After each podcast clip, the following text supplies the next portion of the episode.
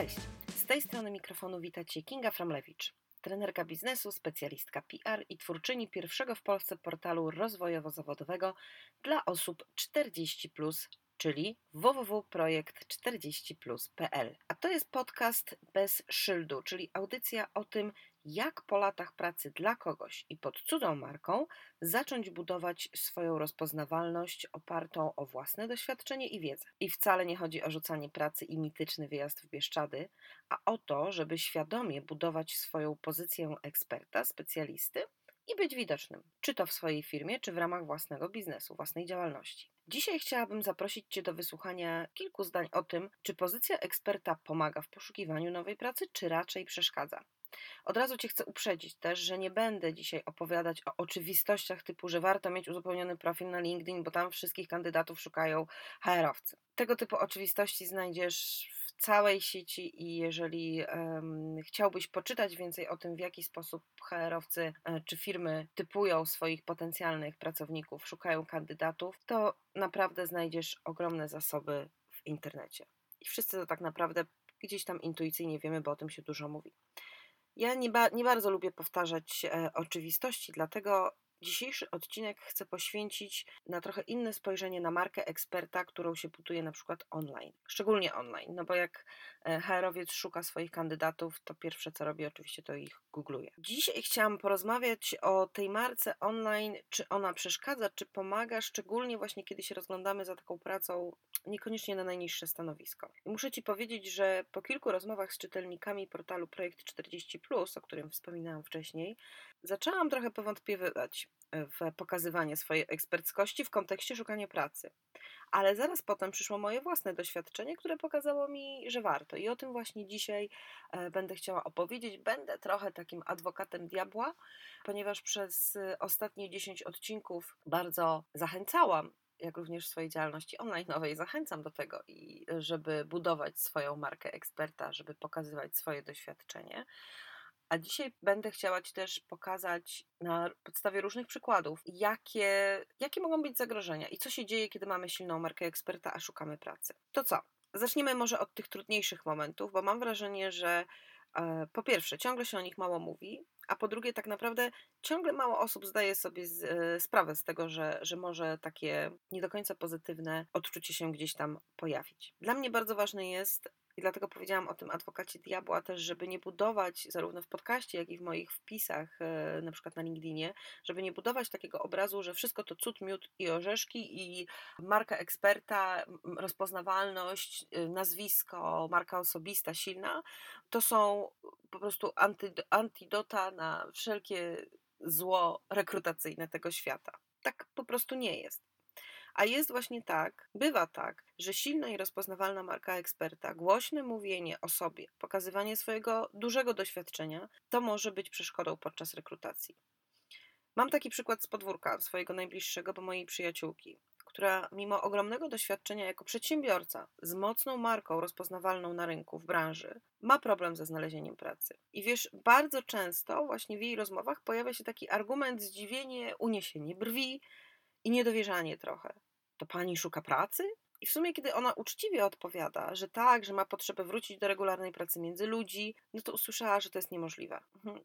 Tak jakby ktoś kwestionował jej motywację. No i hello, trochę no, jakby powiedzieć komuś, że nie wie po co, po co coś robi. No to tak nie działa. Raz na przykład usłyszała, że na pewno jakby, że ten pracodawca ma taką obawę, że ona przyjdzie do pracy na kwartał, znudzi jej się praca dla kogoś i sobie pójdzie. No i ona ma naprawdę taką dosyć mocną zagwozdkę, no bo co, co robić w takiej sytuacji? Kłamać w CV? No nie, nie będzie. Nie będzie też, nie wiem, wymazywać wcześniejszych wpisów w KRS-ie. I powiem Ci, że tak patrzę z perspektywy czasu i rzeczywiście była, miała miejsce raz taka sytuacja, że ona wzięła u mnie, zamówiła u mnie konsultacje i rzeczywiście przez półtora, półtora godziny siedziałyśmy i ćwiczyłyśmy. Normalnie ćwiczyłyśmy, tak jak ja ćwiczę podczas e, moich szkoleń z wystąpień publicznych, cały zestaw QA, czyli cały zestaw y, możliwych pytań i odpowiedzi, czyli przygotowywałyśmy ją na to, co najlepiej odpowiedzieć na jakie pytanie, jak radzić sobie z trudnymi pytaniami, jak opowiadać o tym swoim doświadczeniu, żeby nie zniechęcać już na tym pierwszym etapie potencjalnego pracodawcy. I zobacz, jak to brzmi. Jak opowiadać o doświadczeniu, żeby nie zniechęcać. To jest chore, bo doświadczenie bez względu na to, czy zdobyte na etacie, czy we własnej działalności,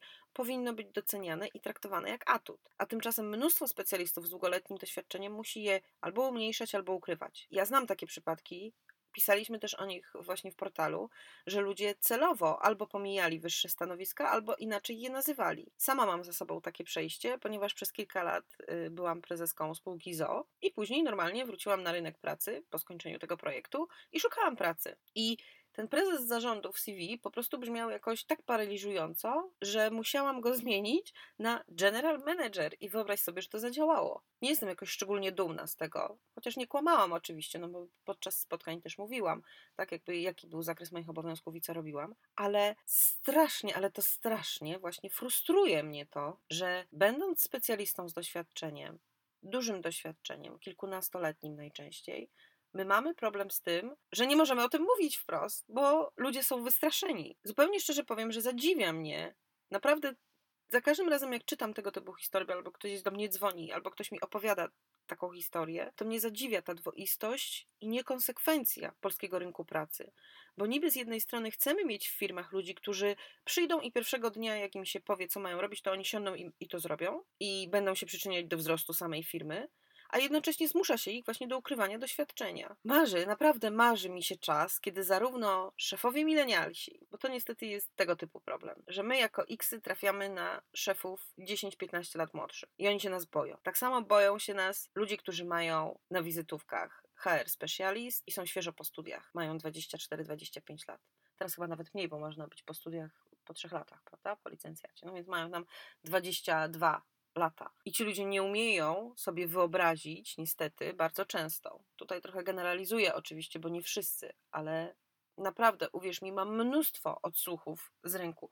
Ja ostatnio nie biorę y, udziału w rekrutacjach, więc trudno mi też um, mówić ze swojego doświadczenia, no ale też nie mam powodu sądzić, że ludzie, którzy mi o tym opowiadają, w jakiś sposób zaciemniają obraz, bo tego jest po prostu dużo. Tego jest ogromna ilość, że ci młodzi rekruterzy nie rozumieją, że doświadczenie to jest wartość. Po prostu boją się doświadczenia.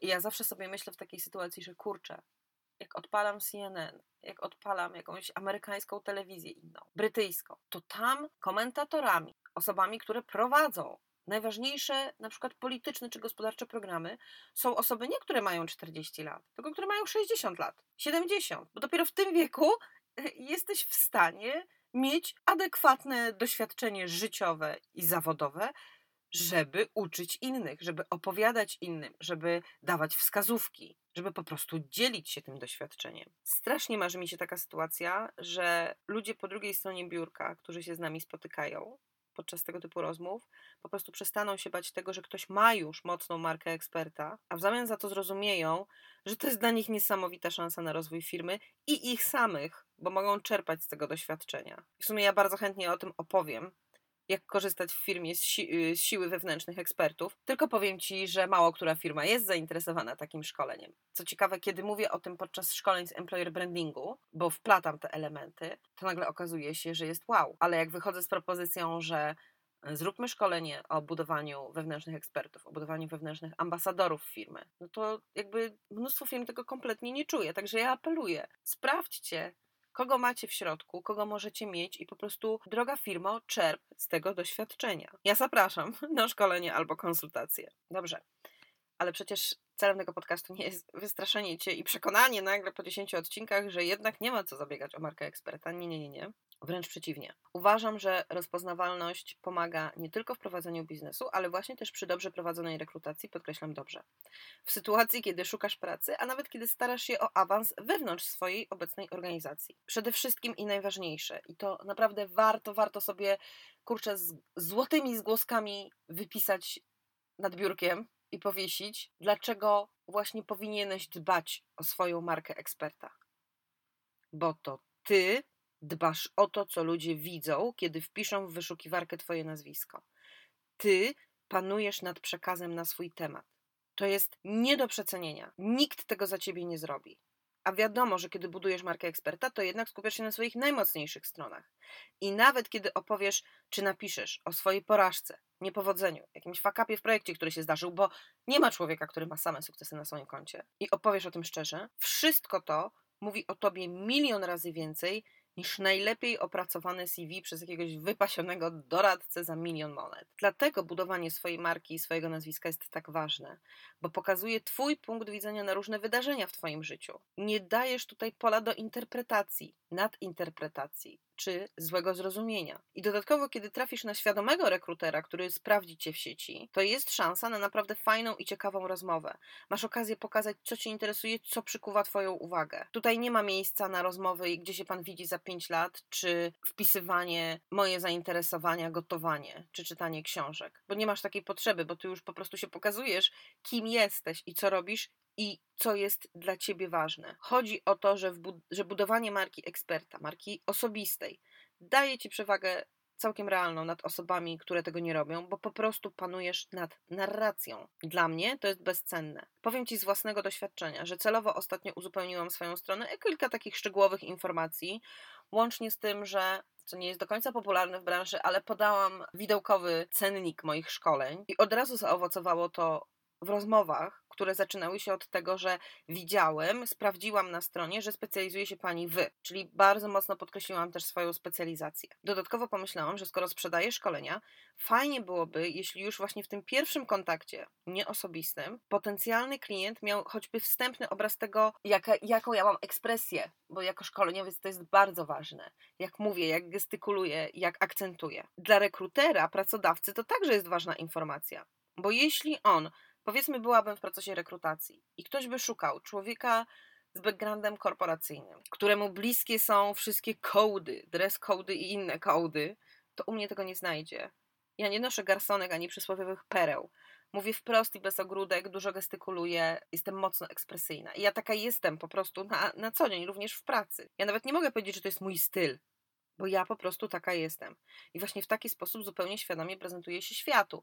Dlatego na mojej stronie pojawi się zaraz cykl wideo, oczywiście merytorycznych, ale właśnie po to, żeby pokazać, jaka jestem. Jeżeli ktoś będzie szukał korporacyjnego trenera, spiętego pod szyję, który raczej wygłasza wykłady niż pracuje z grupą, to będzie wiedział, że tego u mnie nie znajdzie. I to jest bezcenne, bo oszczędza obu stronom czas, oszczędza rozczarowań, oszczędza nadmiernie czy niewłaściwie rozbudowanych oczekiwań do drugiej strony. Dlatego bardzo, bardzo, bardzo polecam, żebyś ty również, kiedy wrzucasz komentarze w sieci, czy posty, czy artykuły blogowe, czy właśnie jakieś wideo, czy podcasty, myślał zawsze o tym. To jest podstawa w budowaniu marki eksperta.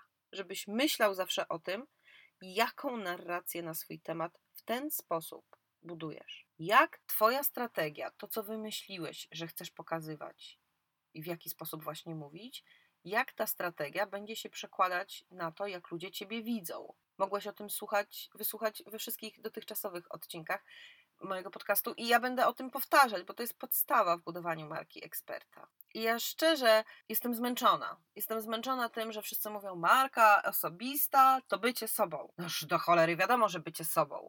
Uwierz mi, znam takie osoby niestety, dla których to nie jest oczywistość i kreują się w sieci na zupełnie inne, tylko no to jest jedno z tych kłamstw, które ma nawet nie krótkie, tylko w ogóle nie ma nóg. Bo wystarczy z takim człowiekiem porozmawiać bez pośrednictwa komputera, i montażu wideo czy audio, spotkać się i nagle się okazuje, że mm, mm, coś tu nie zagrało. Dlatego to, co chcę, żebyś zabrał sobie z dzisiejszego odcinka, to dwie rzeczy, czyli świadomość tego, że każda Twoja aktywność w sieci jest do znalezienia. Tak? Bo wbrew pozorom nie wszyscy jeszcze mają tego świadomość.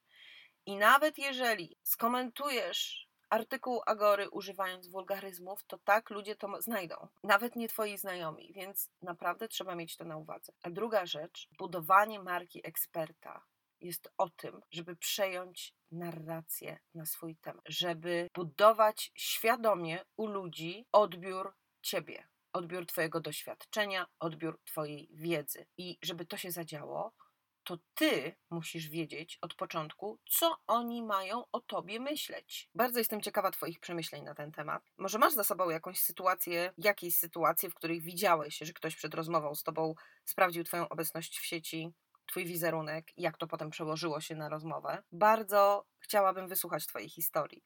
Dlatego czekam na maila kontakt małpa.kingafromlewicz.pl. Gdybyś natomiast chciał zobaczyć z kolei, jak ja mówię, właśnie o tym, w jaki sposób przygotować kluczowe informacje na swój temat i jak przygotować siebie do wystąpień publicznych, pobierz wideo z mojej strony kingafromlewicz.pl, wpisując swój adres w formularzu na głównej stronie. Dziękuję Ci za dzisiaj. Do usłyszenia w kolejnym odcinku za dwa tygodnie, kiedy postaram się odpowiedzieć na pytanie, czy osoby z pokolenia X, czyli na przykład ja, nie umieją się chwalić. Hmm? Takie pytanie sobie postawimy w kolejnym odcinku podcastu Bez Szyb. Do usłyszenia.